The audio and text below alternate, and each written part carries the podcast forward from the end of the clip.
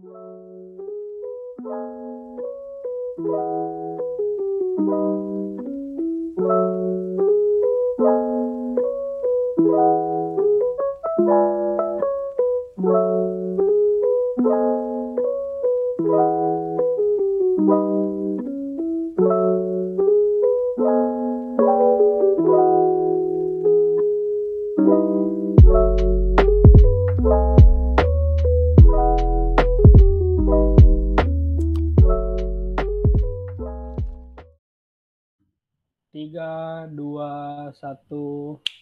Oke, selamat datang di Politik Bersuara. Balik lagi bersama gue, Billy Mardiansyah.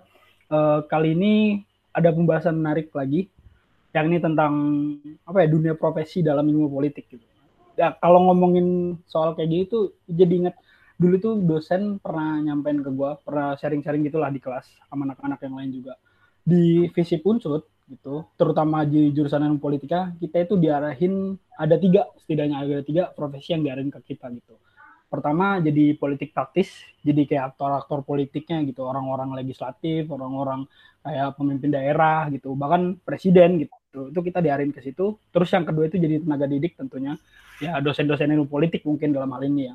Terus yang ketiga jadi pengamat politik gitu atau mungkin peneliti juga gitu. Nah kan yang paling apa ya paling banget sering kita lihat gitu kan orang-orang LIPI mungkin ya. Dia kan pengamat peneliti juga di situ kan. Banyak tuh LIPI. Ada yang emang uh, fokusan otonomi daerah ada yang fokus sama pemerintahan juga ada yang fokus sama perilaku gender gitu.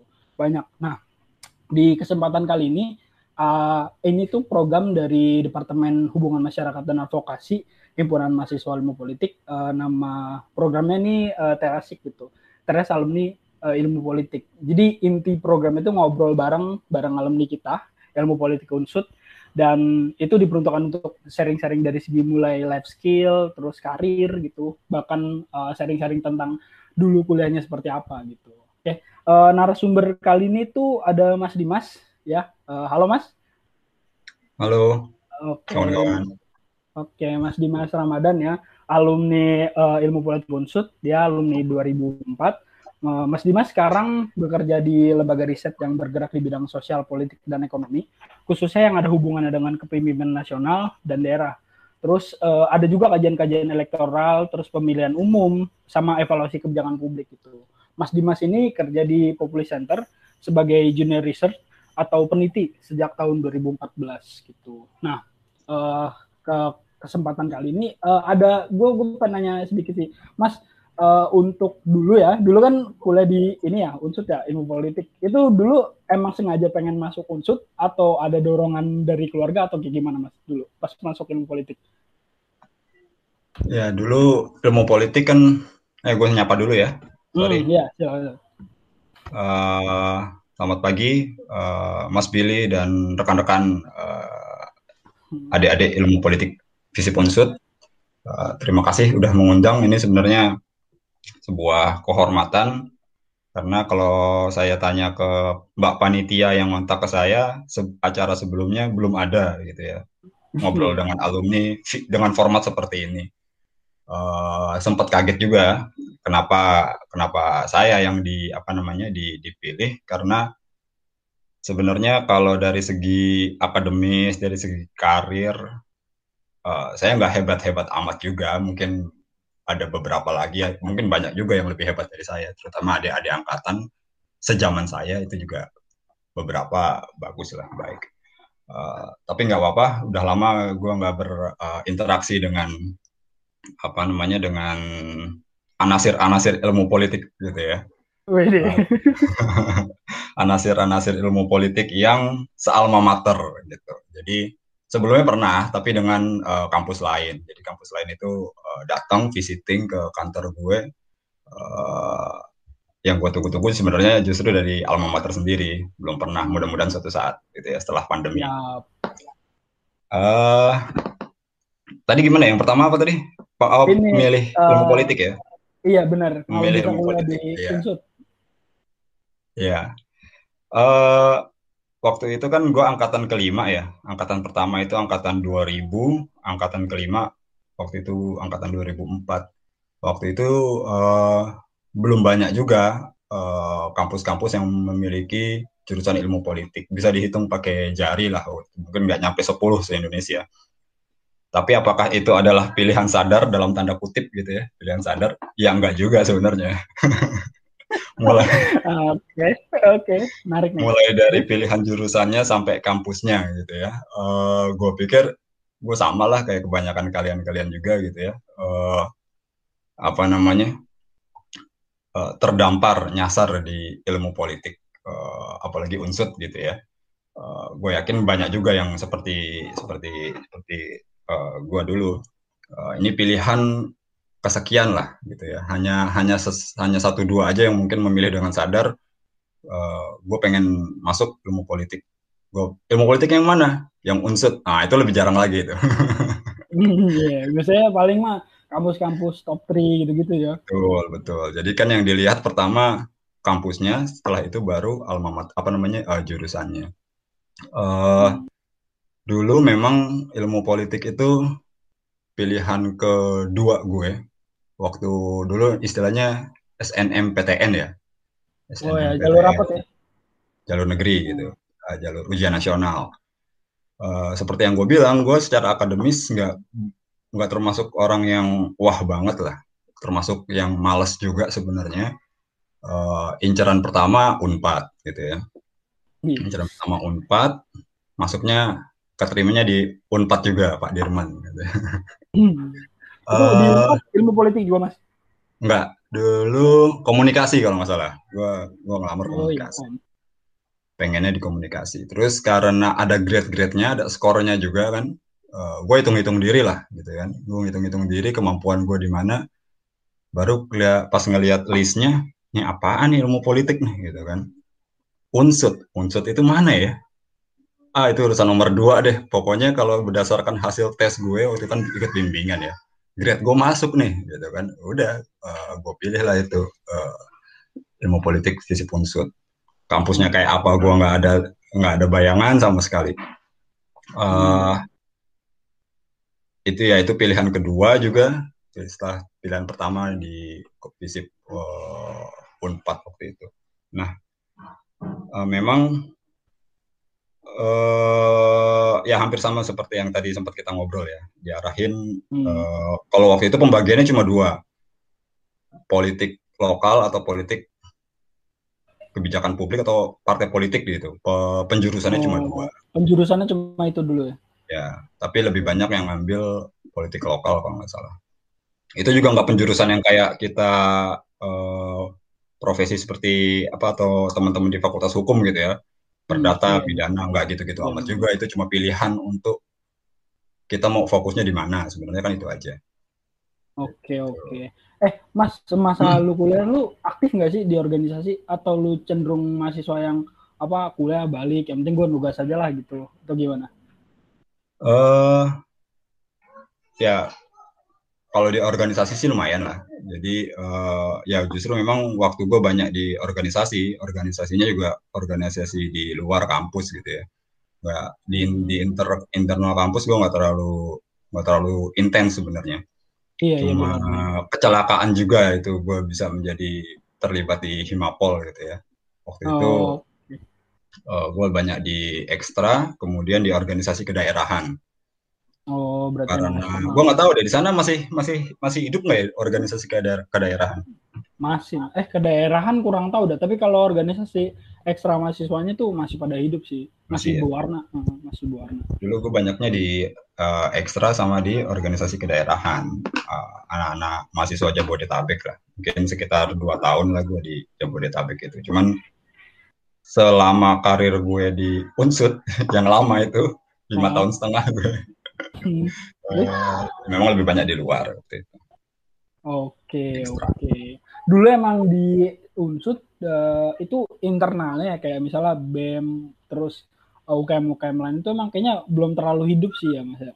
BEM juga baru kan BEM juga baru prematur banget tuh, ya kan? Betul, betul, betul. Jadi untuk BEM tingkat universitas aja baru 2007 apa 2008 ya si Begras kalau nggak salah lupa deh yang di visip visipnya sih ada terus jalan terus uh, salah satunya kan kemudian ada si Iko tuh Mas Iko dia kepilih juga jadi ketua BEM. Ma, uh, UKM dulu sempat merapat ke solidaritas gue. Cuman uh, uh, ke pers uh, banyak temen di situ, banyak ada minat di situ, cuman uh, feel-nya nggak dapat aja. Organisasi kan soal feel. iya benar-benar soal kenyamanan Jadi, juga sih. Hmm. Betul, soal soal teman, soal apa pun lah, soal hal di luar kampus yang yang yang juga di luar kos-kosan. Jadi terlalu banyak ngamar ya nggak baik, terlalu banyak di kelas nggak baik juga. Uh, ya apa namanya uh, organisasi di tempat lain gue di sana selama di Purwokerto.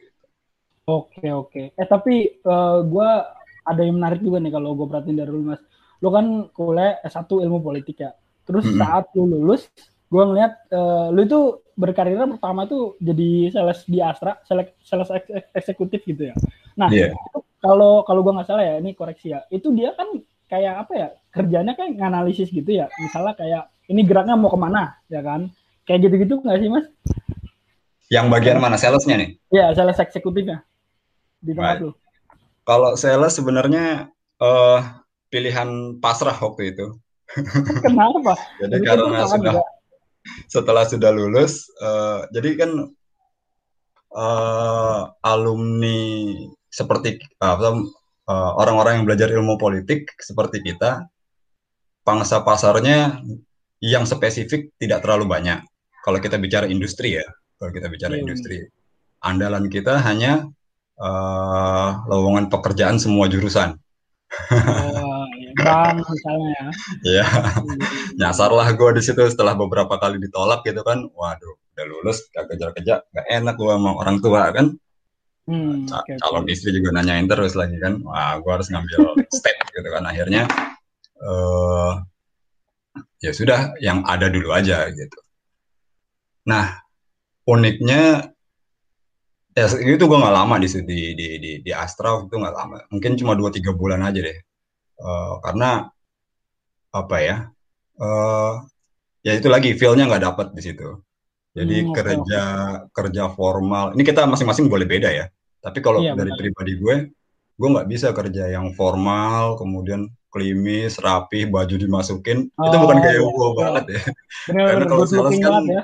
iya yeah. kalau sales kan uh, kita berurusan sama orang yang punya duit nih Hmm. Ya kan, kita butuh orang yang punya duit supaya beli barang. Kalau tampilan kita uh, dalam tanda kutip biasa banget, susah meyakinkan orang gitu kan. Makanya tiap hari gue pakai dasi, pakai sepatu pantopel yang mengkilat dan lain sebagainya. Ya mohon maaf men, itu bukan gue banget. Oke oke. Oh itu yang memutuskan lu untuk ya udahlah gue cabut aja dari sini gitu. Kurang betah. Iya betul. Tapi jangan salah, jangan salah. Uh, gue nggak bermaksud memandang rendah jenis pekerjaan orang ya Iya, Tapi uh, ini masalah jodoh-jodohan aja, masalah feel aja. Karena gue punya temen anak 2004 juga, dia cukup sukses di Astra di Cirebon. Yang gue kenal ada dua, ada Elang sama ada Mas Yogi. Mas Elang sama Mas Yogi. Mas Elang ini memang dia orang Cirebon, Mas Yogi orang Banjar kalau nggak salah cuma dapat istri Mbak Nisa kenal nggak ya? Hmm. Enggak, enggak, enggak tahu. Uh, Nisa Rengganis, dia orang Cirebon.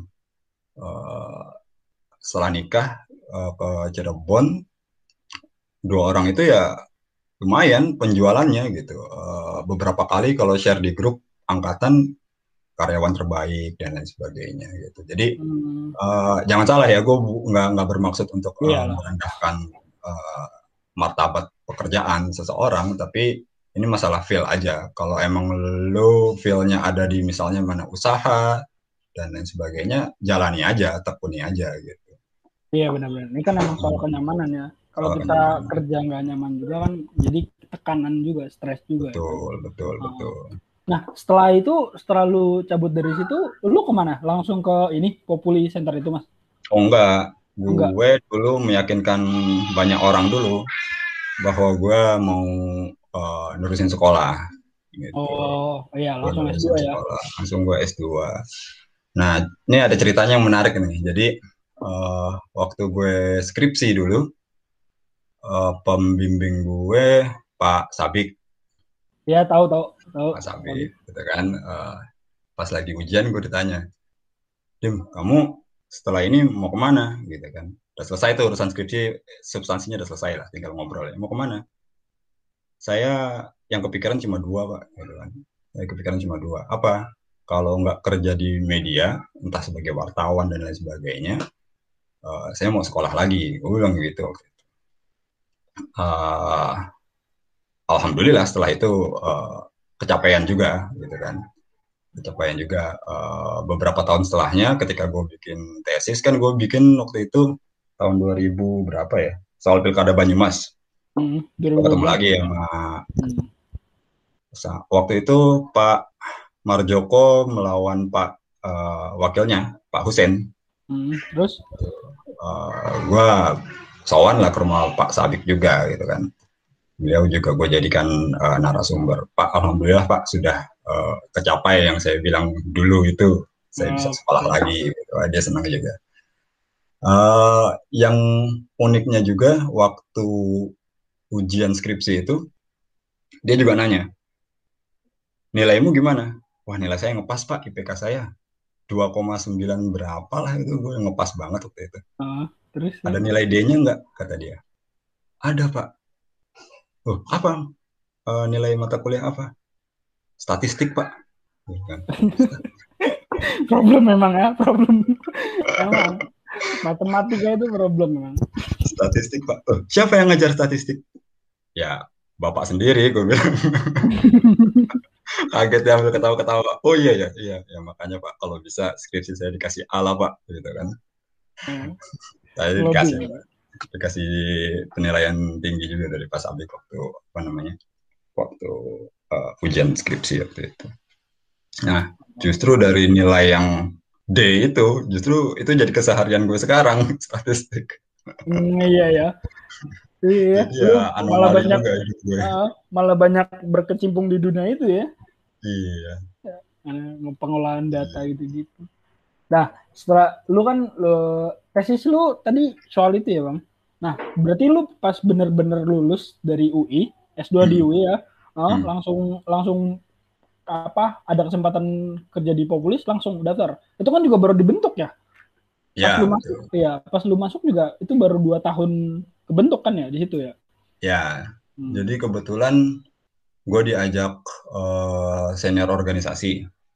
Hmm. Oh dari di, kampus dulu? Dari kampus Unsut. Unsut dari Unsut. Oke. Okay. Ya, unsut. Eh, waktu gue organisasi ekstra ada alumni yang uh, sudah lama berkecimpung di dunia survei-survei lah, kira-kira gitu. Uh, namanya Pak Usep Ahyar. Dia ini visip sosiologi 94 atau 95 gue lupa deh. Yang gue inget dia pokoknya saat pernah satu kosan aja sama Pak Rofik Oh, gitu. Nah, pokoknya barengan lah sama Pak Rofik, gue lupa lah angkatannya berapa. Pokoknya satu kosan lah itu. Oke, oke, okay, uh, menarik nih. Kemudian ketemu di organisasi, kemudian gue lulus, dia juga di Jakarta. Waktu itu dia banyak di LP3S.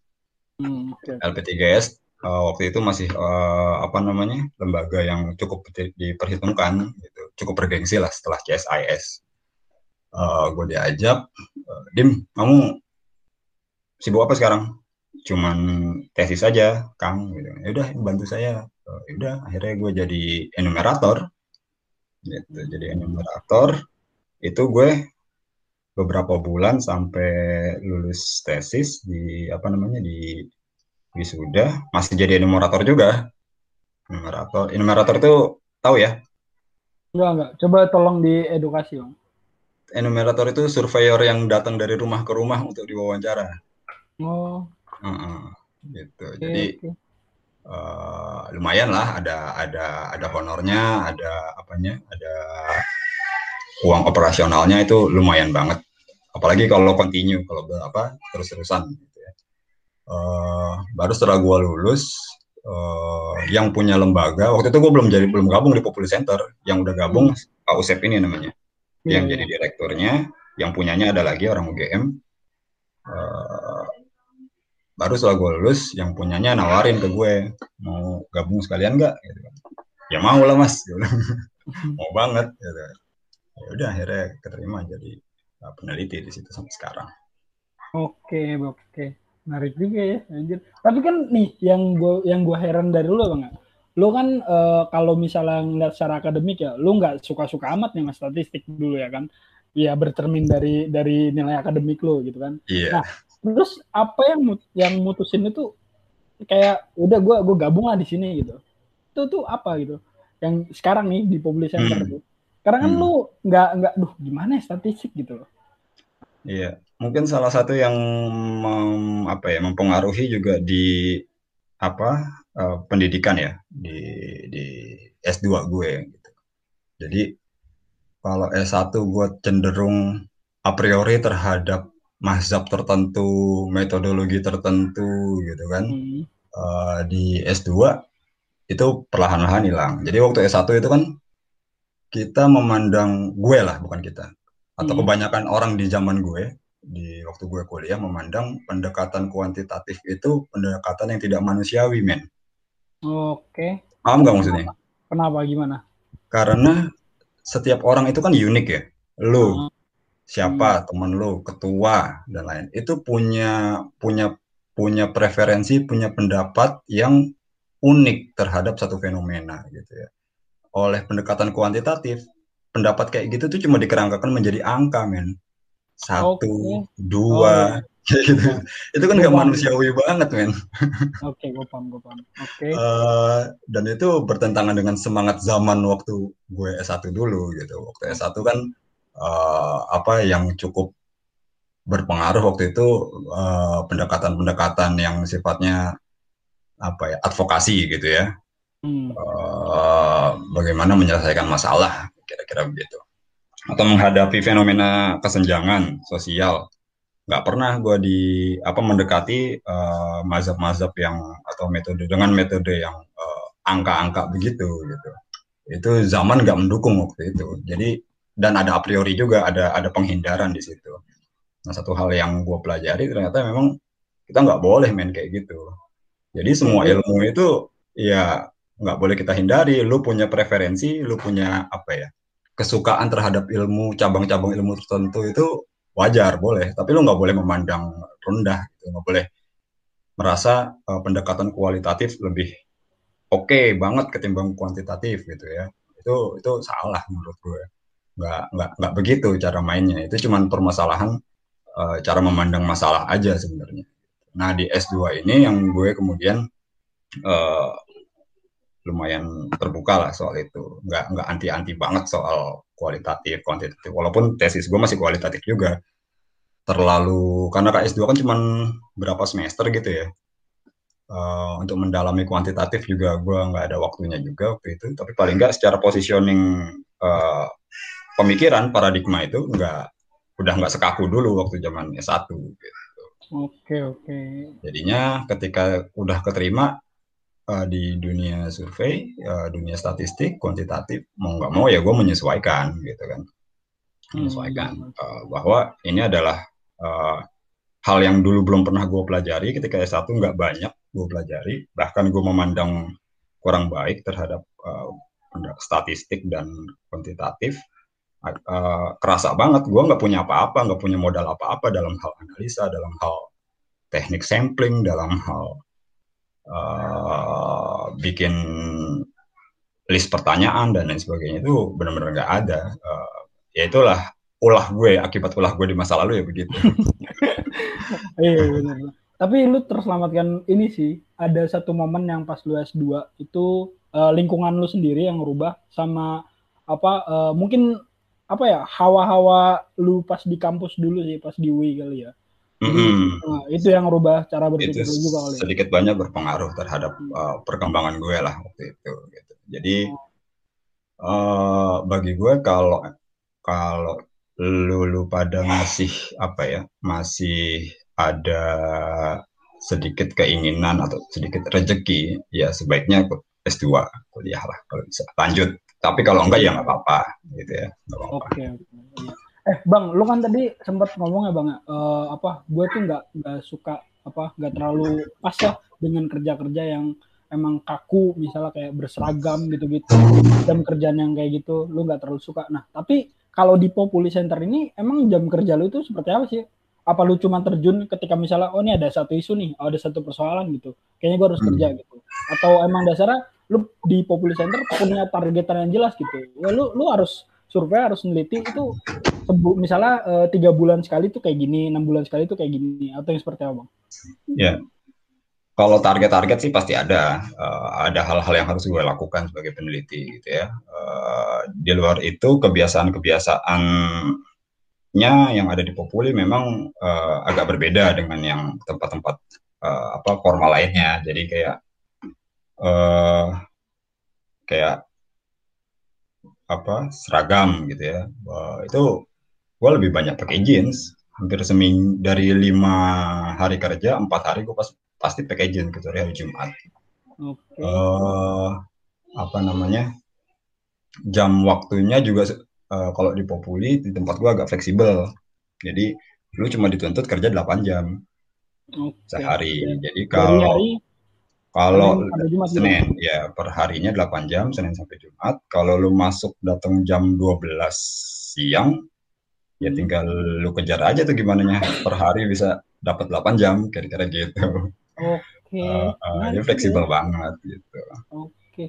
Eh gua uh, ini dong uh, apa Populi Center itu sebenarnya lembaga yang kayak gimana sih ketika misalnya terjun ada fokusan isu yang tadi gue bilang di awal kan ya misalnya kayak hmm. evaluasi terhadap kebijakan publik nih nah hmm. uh, kan anak-anak juga ini belum pada paham gitu ya sebenarnya populi ini kayak gimana sih bang? Uh, lu bisa ngasih tahu nggak sedikit bang? Populi sebenarnya kayak gimana sih? Ya. Jadi kalau di populi center uh, apa namanya dua dua fokus utamanya di kebijakan sama di studi elektoral sebenarnya. Gitu. Jadi uh, yang pertama di uh, soal kebijakan lebih ke mengukur uh, pendapat masyarakat gitu ya.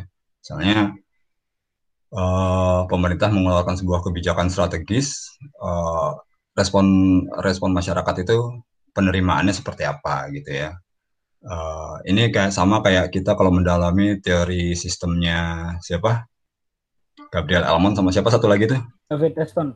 API testen gitu ya. Ada input, ada kemudian ada pembahasan, kemudian ada output. Di, di antara input dan output itu ada lingkungan gitu ya. Nah itu itu satu hal yang paling berguna itu. Jadi kalau lu masih soal ilmu politik itu udah hal paling basic yang harus lu pahami deh teori sistem yeah, itu. Konsepnya. Lu mau kerja di bank kayak lu mau kerja di pasar kayak apa namanya industri mobil kayak dan lain sebagainya lo harus punya modal itu biar bisa memahami uh, apa yang sedang terjadi di sekitar lo uh, itu misalnya kebijakan uh, melarang HTI misalnya okay. ya kan? Hmm.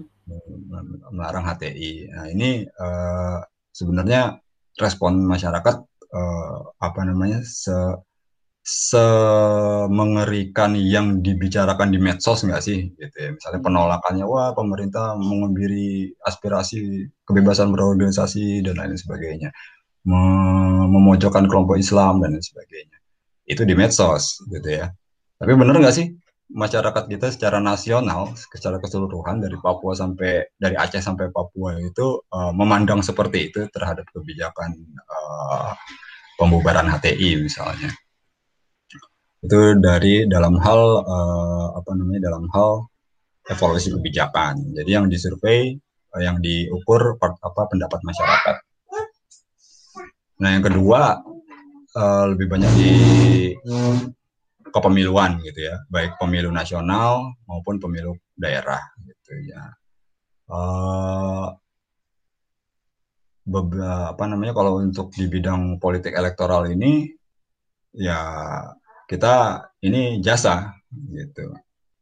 Oh. Jadi di di apa namanya di eh, masa-masa uh, pemilihan langsung yang sudah sejak reformasi yang namanya lembaga survei itu sudah menjadi industri gitu. Hmm. kita nggak bisa nggak bisa terlepaskan lagi. Uh, orang yang mau maju menjadi kandidat nggak bisa lagi dia percaya pada uh, omongan-omongan dukun misalnya. Berdasarkan pergerakan bintang maka bapak dukungannya akan banyak di sana gitu. Ya dulu mungkin iyalah awal-awal gitu ya Walaupun ya kalau masih percaya juga nggak apa-apa, nggak apa-apa. Cuman kan uh, hal-hal hal-hal kepemilihan ini kan hal yang sifatnya profan ya, hal yang sifatnya keduniawian gitu ya. Mau lu hubung-hubungkan kalau lu percaya sih ya bi ya terserah gitu kan. Cuman kalau lu percaya terlalu banyak juga itu akan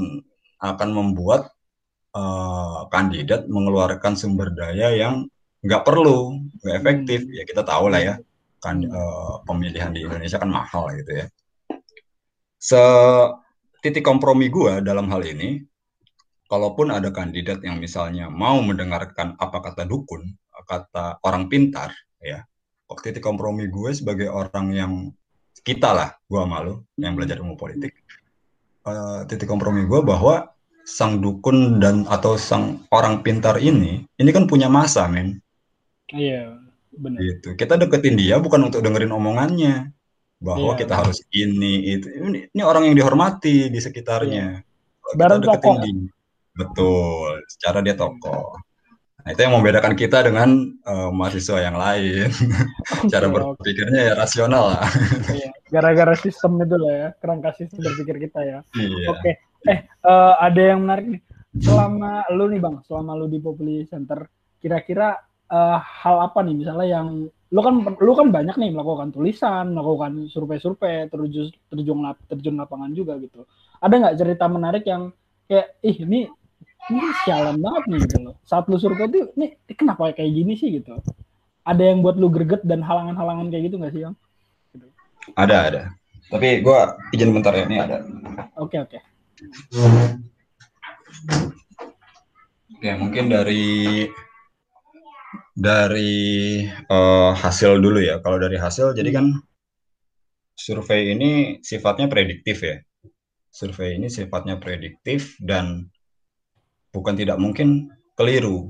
Nah ini yang perlu dipahami gitu ya. ya Itu yang makanya dalam penelitian ada rentang kesalahan, margin error. Uh, so, uh, apa namanya? Gue nggak bilang survei populi semuanya akurat gitu ya. Beberapa yeah. kali kita juga miss. Nah, uh, hal di sinilah pentingnya yang namanya uh, jati diri unsur. Eh salah, sorry. Apa? Moralitas intelektual gitu. Oh, Oke, okay. oh, jati diri unsur dulu.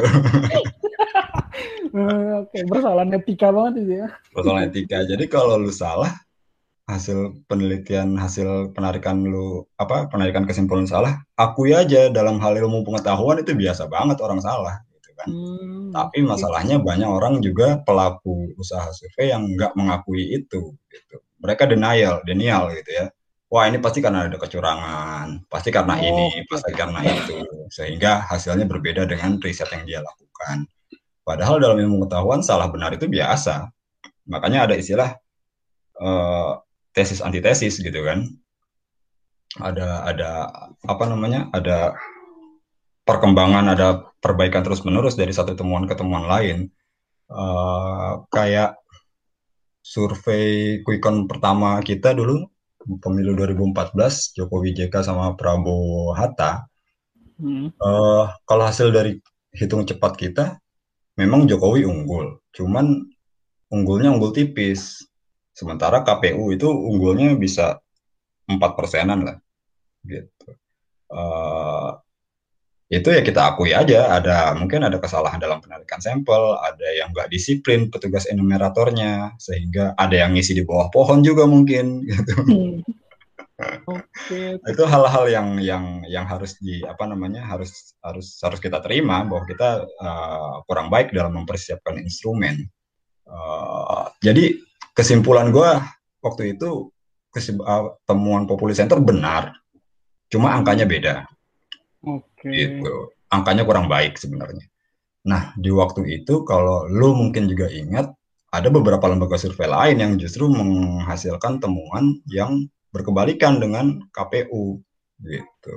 Sebenarnya kan karena quick count, karena survei ini sifatnya prediktif, hasil acuan yang dipakai kan hasil KPU dong. Hmm, benar. Itu terlepas seberapa kurangnya uh, apa namanya uh, cara mereka meng, apa, mengakumulasi suara dari tingkat TPS sampai bahwa ada kebocoran, ada markup, ada permainan dan lain sebagainya. Tapi secara hukum yang diakui kan KPU. Iya benar, karena lembaganya. Gitu. Bukan lembaganya. Hmm. Lembaganya uh, hanya membuat apa ya, semacam bukan bukan tandingan tapi perbandingan hanya membuat perbandingan gitu. Jadi kalau peng, pemungutan suara itu penghitungannya bisa berbulan-bulan dengan quick count ya satu hari dua hari satu hari bahkan nggak nyampe satu hari udah, udah bisa ketebak siapa hasilnya siapa pemenangnya. Gitu. Oke, eh ini nyambung nih bang. Uh, kira-kira selama lu nih selama lu di sana kira-kira hmm. ada nggak sih uh, misalnya ada nih ada topik nih yang udah lu teliti misalnya yang udah lu riset gitu sama tim lu tapi nggak jadi lu publis gitu ada nggak kira-kira di Publish Center?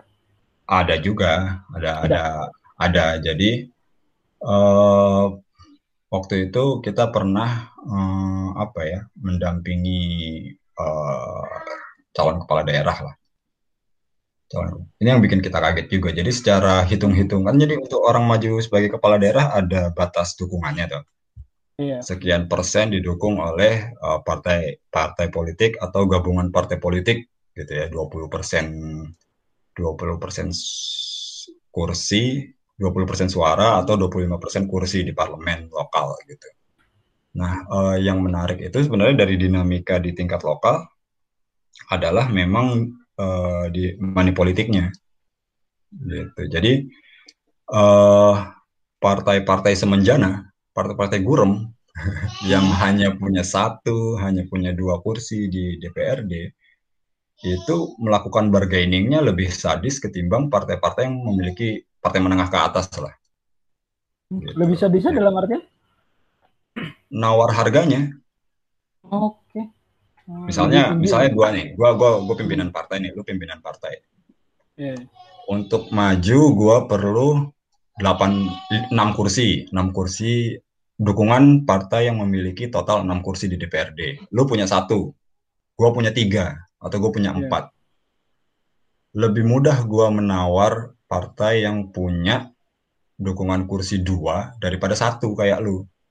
Yeah, iya, Karena yeah. kalau uh, partai yang punya dukungan kursi yang lumayan, uh, mereka agak lebih rasional lah hitung-hitungannya. Sementara yang partai semenjana yang hanya satu-satu kursi ini, mereka berpikir untuk survive gitu ya, untuk survive di pemilu berikutnya, nawarnya lebih sadis gitu. Jadi partai gua mau koalisi sama partai lu yang cuma satu kursi di satu kabupaten. Pemilihannya ada tiga pemilihan kabupaten kota di provinsi itu misalnya. Karena gue terkesan butuh banget partai lu nih cuma satu nih, hmm. lu nawarinnya paket. Iya benar. Udah, saya akan dukung partainya Pak Dimas di tiga kabupaten deh, gitu. Jadi hitungannya tiga, tiga kali duit tuh. Oh, ya, ngerti ngerti ngerti. Ngerti. Nah, hal-hal yang kayak gini kadang juga itu kan nggak nggak nggak kita publis juga yang kayak gitu. Hmm. Uh, kemudian ya, ya ada ada juga yang lain soal uh, perilaku uang juga sih itu yang ya banyak yang kita keep juga lah nggak nggak sehat uh, kalau kita kalaupun kita publis juga nggak sehat seolah-olah membenarkan gitu kan. Gitu. itu sih. Oh ada lagi soal ini soal uh, nah itu yang lain nanti aja lah itu. Oke oke. Eh bang di hmm. di Populi ini gak sih ada magang-magang kayak gitu nggak sih? Misalnya gue oh dulu ada. Sekarang nggak ada bang? Jadi uh, kadang tergantung kebutuhan ya. Kalau kalau hmm. load pekerjaannya lagi tinggi ya kita buka. Gitu. Hmm, gitu. Kita oh, buka. emang. Iya, siapa uh, tahu anak-anak ini nih masih soal ilmu politik pada tertarik di sana gitu kan. Ya, jadi kan hitung-hitung pas magang latihan buat uh, penelitiannya mereka juga ya kan itu. Mm -hmm. gitu. Sebenarnya kalaupun ada niatan seperti itu disiapkan aja dokumennya. Oke. Okay, permohonannya. Gua nggak menjanjikan itu akan diterima karena gua nggak tahu nanti lotnya seperti apa. Itu kan keputusannya di atas ya. Hmm, benar. Tapi kena nggak ada salahnya disiapkan gitu. Nggak ada salahnya iya. disiapkan. Selama gue di Populi itu yang justru magang bukan dari alma mater Unsut tuh dari Unair waktu itu. Oh, lebih Dari banyak. Unair dua kali. Enggak, enggak banyak, enggak banyak. Oh, nggak Eh, paling cuman tiga empat orang aja, tiga empat Hmm. orang. Itu dari ilmu politik Unair, dari dulu UGM kayaknya ada satu deh, JPP-nya, jurusan politik pemerintahannya ada satu. Setelah dari UIN ada UIN Jakarta satu, dari HI waktu itu. Eh, cuma ya paling cuma sebulan dua bulan, paling lama tiga bulan lah. Tapi Hmm. nggak nggak nyampe tiga bulan mungkin, nggak nyampe tiga bulan. Iya, iya. Eh, mungkin bisa juga di apa namanya kalau nggak bisa magang kan bisa juga diagendakan eh, visiting. Mungkin ya.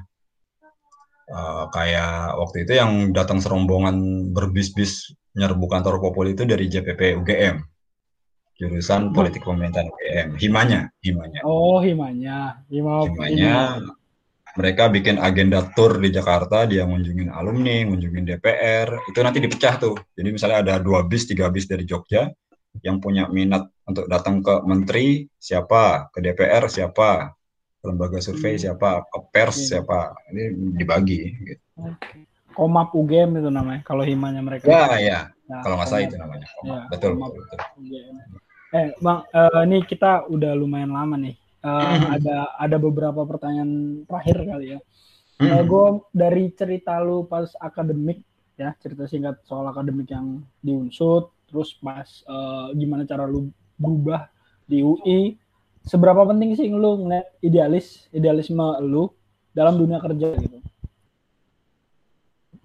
Yang Hmm. dari kuliahan gitu, pas lu bawa nih idealisme lu yang eh, di kuliahan kan itu kebentuk tuh, ya kan di kampus Yeah. kebentuk, nah terus Yeah. berubah lagi misalnya eh, lu lompat di kampus satu lagi berubah lagi, nah tapi kan idealisme lu itu masih ada gitu. Nah, kira-kira seberapa penting idealisme lu itu di dunia kerja gitu? Penting banget menurut gue. Dalam hal dalam arti begini. Eh seperti tadi ya gue bilang ya. Hmm. lu salah lu akuin aja salah. Tapi lu nggak boleh bohong men. Lu jangan nipu orang. Kayak misalnya begini. Hasil riset gue menunjukkan begini. Tapi kecen apa hasil KPU begini. Lu nggak usah ngeles Hmm. Akui aja kalau kemungkinan ada salah di situ begitu. Apalagi nah, yang lebih penting nih nih. Tadi kan gue bilang bahwa survei itu udah menjadi industri ya. Hmm. Dalam terutama gue bicara dalam hal pilkada. Kalau bicara industri berarti ada perputaran uang di situ. Iya. Gitu. Ada perputaran uang. Jangan sampai lu menggadaikan hasil riset lu hanya untuk memuaskan klien lu. Misalnya, Oke. lu klien gue nih, lu mau maju di pilkada Banyumas. Karena sesama unsur udahlah lu gue survei misalnya begitu. Bill Hmm. udah lu gue survei. Mas Billy tenang aja Mas. Eh, dibanding yang lain Mas Billy masih unggul. Dibanding- masih masih unggul kok tenang aja. Eh, lihat nih hasil riset kita. Ternyata gue tinggiin deh tuh angkanya biar lu seneng kan? Oke, paham banget. gitu itu yang namanya moral itu yang namanya etika. Eh, itu yang namanya prinsip prinsip-prinsip eh, seorang intelektual gitu ya Hmm. lu mau intelektual kiri lu mau intelektual kanan lu intelektual tengah kalau nggak punya prinsip nggak punya moral kacau lu Gitu. tapi itu itu bukan itu bukan hanya di bidang kayak gue ya Eh, Iya, harusnya bidang itu harusnya itu di semua di semua Hmm. apa namanya di semua jenis eh, kehidupan yang lu pilih lah gitu Iya. bahwa ya di kampus kita diajarin itu dan itu bukan klise itu bukan omong kosong men Hmm. itu hal menurut gua hal konkret hal prinsip yang mendasar banget untuk lu jadi lu jadi orang bener di mana pun itu udah udah udah udah jadi hal yang paling mendasar gitu Hmm, Oke, oke. Eh, eh, Bang, penyesalan lu saat masa kuliah apa sih? Khususnya yang pas S1 ya.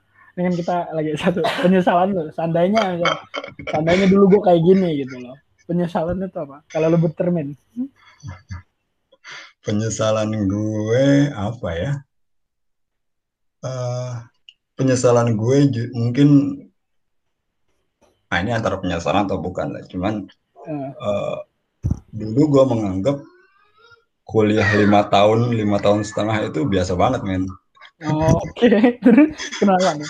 Kenapa nih? Begitu, ketika gue temui di tempat lain gile lu lama amat lu kuliah lu ngapain aja itu? Nanti gue goblok banget. Iya enggak gue goblok. Dan karena ya gue harus akui memang gue goblok gitu. Gue nggak pintar lah bukannya goblok. Gue nggak nggak cemerlang cemerlang amat. Dan bahkan ketika gue bikin skripsi pun gue ngulang. Masih ngambil mata kuliah gue untuk uh, ngerubah yang C-nya banyak itu gue sulap dikit lah biar cantik gitu kan. Uh, mungkin itu ya. Gue dulu banyak terlena juga di awal-awal kuliah. Jadi IP 1, IP 2, IP 3 pernah gue rasain gitu kan. Di tahun pertama gue dulu uh, orang tua udah sampai udahlah lu ngapain di sana? Uh, ilmu politik lu kerja ngapain? gitu kan. Hmm. uh, nggak kebayang sama orang tua gue gue ini akan akan akan seperti apa. Apalagi waktu itu gue masih muda banget baru lulus jauh dari rumah ngerasa gue bisa ngapain aja gitu kan kuliah ya sekuliahnya gue kalau ngantuk ya tidur nggak nggak kuliah gitu kan nggak masuk. Urak-urakan banget gue dulu di satu tahun pertama. Makanya uh, eh, IP gue satu waktu itu. Okay. uh, eh, gue hampir mau ditransfer waktu itu. Udahlah lu ambil UMPTN lagi sana kalau perlu bahasa Inggris bahasa Inggris. Nah dari situ gue juga mau baru tuh gue mikir tuh ini gue ngambil ilmu politik pilihan sadar gue dulu waktu UMPTN nih kan gitu.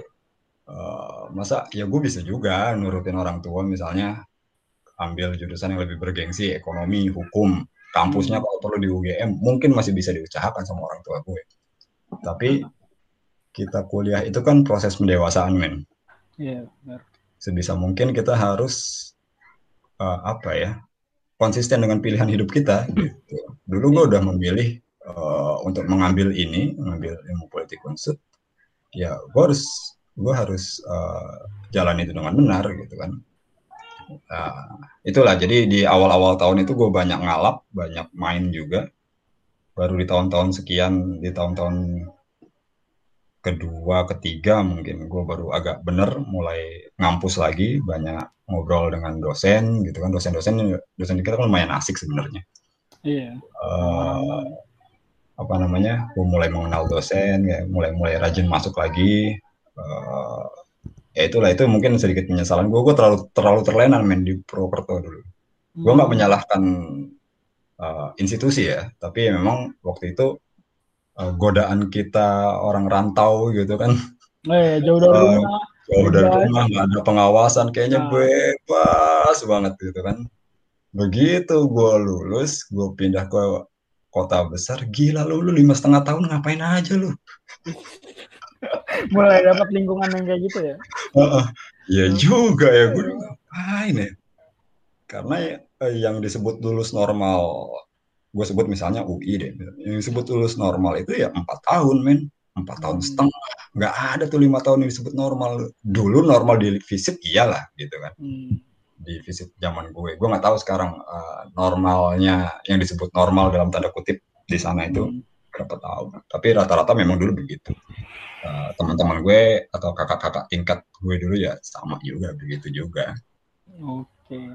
Eh kira-kira mata kuliah lu nih terakhir bang mata kuliah hmm. yang di zaman lu yang kira-kira apa namanya ah ini untung gue dulu tuh kalau nggak lu menyesali ya lu menyesali nggak dapat konsep itu atau mungkin yang sekarang nih hmm. konsepnya dulu lu udah dapet lu bersyukur gitu lu dapet uh, konsep dari mata kuliah itu. Kira-kira mata kuliah apa dulu pas zaman lu khususnya yang sekarang ya yang hmm. uh, nyambung di profesi ataupun ya kesarian lu lah gitu. Hmm. uh, perbandingan politik men. Perbandingan politik? Oh, perbandingan okay. politik. Jadi MPP oh, MPP ya dulu yang ya C juga gue. MPP cuman uh, udah gue perbaiki belum ya dulu ya? Mungkin udah naik jadi B mungkin gue ulang. Uh, tapi di kemudian ketika gue uh, di pasca sarjana eh, gue lebih terbuka lagi dengan uh, apa namanya dengan metodologi dengan paradigma dengan teori-teori uh, itu berguna banget menolong gue banget. Uh, apa namanya uh, pendekatan konstitusional neo konstitusional behavioralism perilaku politik perilaku ah, pendekatan perilaku kemudian sampai ke yang terakhir itu apa ya? Lupa gue. Itu itu uh, dalam hasanah uh, ilmu pengetahuan khususnya di bidang ilmu politik itu ini banget kepake banget gitu. Hmm. itu berguna banget gitu. Selain kalau teori ya itulah. Jadi selemah-lemah iman mahasiswa ilmu politik selemah-lemah iman ya Hmm? lo harus lo harus ngerti soal teori sistem itu aja Oh, iya. David udah itu udah selemah-lemah iman banget deh gitu. Hmm, Oke oke. Yang ngajar dulu kalau jauh eh kalau sekarang zaman gue Patitong. Kalau zaman lu dulu siapa bang? yang mana nih Yang ini, yang pengantar eh itu sistem ilmu politik, sistem pengantar. sistem ilmu politik ya Ah, Pak Titong Pak Titong Pak Titong dengan Pak Pak Fir mungkin Pak Firdaus oh, mungkin ya Oh iya Lupa Pak gue. Fir. Oh, iya benar-benar Pak Firdaus. Pak Firdaus Oke. Oke, kayak kita udah lumayan lama nih eh, bincang-bincangnya bang. Eh, makasih Hmm. banyak ya Mas Dimas udah Sip, bisa diundang di sini, udah bisa sharing-sharing dan Hmm. mungkin nanti bakal kita undang lagi kita ngobrol yang lebih serius lagi kali ya soal apa namanya soal survei dan sebagainya gitu. Oke, Sip. makasih banyak ya bang. Oke oke, thank you thank you. Udah udah undang oke. nih. Nah, Oke, makasih banyak. Eh, itu dia episode kita kali ini eh, tentang apa korelasinya mahasiswa ketika di profesinya, di disiplin ilmunya, sama apa klik-klik buat di dunia kerjanya kayak gimana. Gitu sih. Oke, eh, gua Billy Mardiansyah. Sekian, sampai jumpa. sebut lulus normal. Gue sebut misalnya UI deh. Yang disebut lulus normal itu ya empat tahun men, empat tahun Hmm. setengah. Nggak ada tuh lima tahun yang disebut normal. Dulu normal di fisip iyalah gitu kan. Hmm. Di fisip zaman gue. Gue nggak tahu sekarang eh, normalnya yang disebut normal dalam tanda kutip di sana itu Hmm. berapa tahun. Tapi rata-rata memang dulu begitu. Eh, teman-teman gue atau kakak-kakak tingkat gue dulu ya sama juga begitu juga. Oke.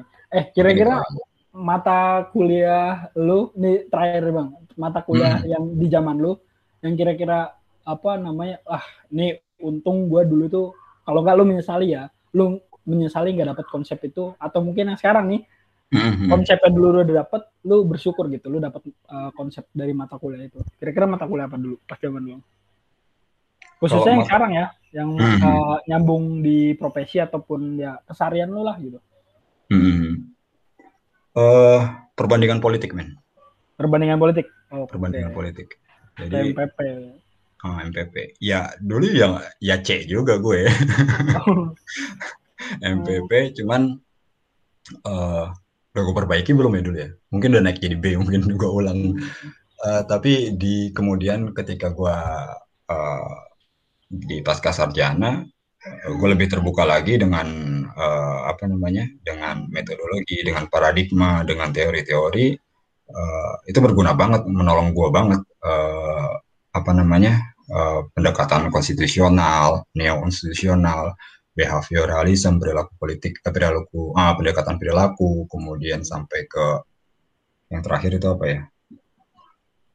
lupa gue itu itu eh, dalam hasanah eh, ilmu pengetahuan khususnya di bidang ilmu politik itu ini banget kepake banget gitu itu berguna banget gitu selain kalau teori ya itulah jadi selemah-lemah iman mahasiswa ilmu politik selemah-lemah iman ya Hmm? lo harus lo harus ngerti soal teori sistem itu aja kalau Oh.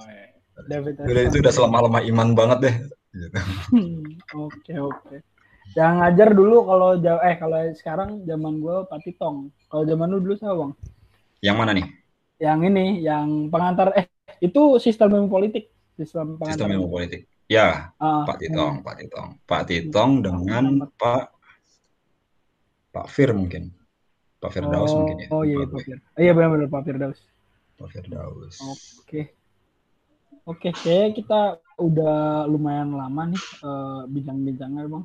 Eh, makasih Hmm. banyak ya Mas Dimas udah Sip, bisa diundang di sini, udah bisa sharing-sharing dan Hmm. mungkin nanti bakal kita undang lagi kita ngobrol yang lebih serius lagi kali ya soal apa namanya soal survei dan sebagainya gitu. Oke, Sip. makasih banyak ya bang.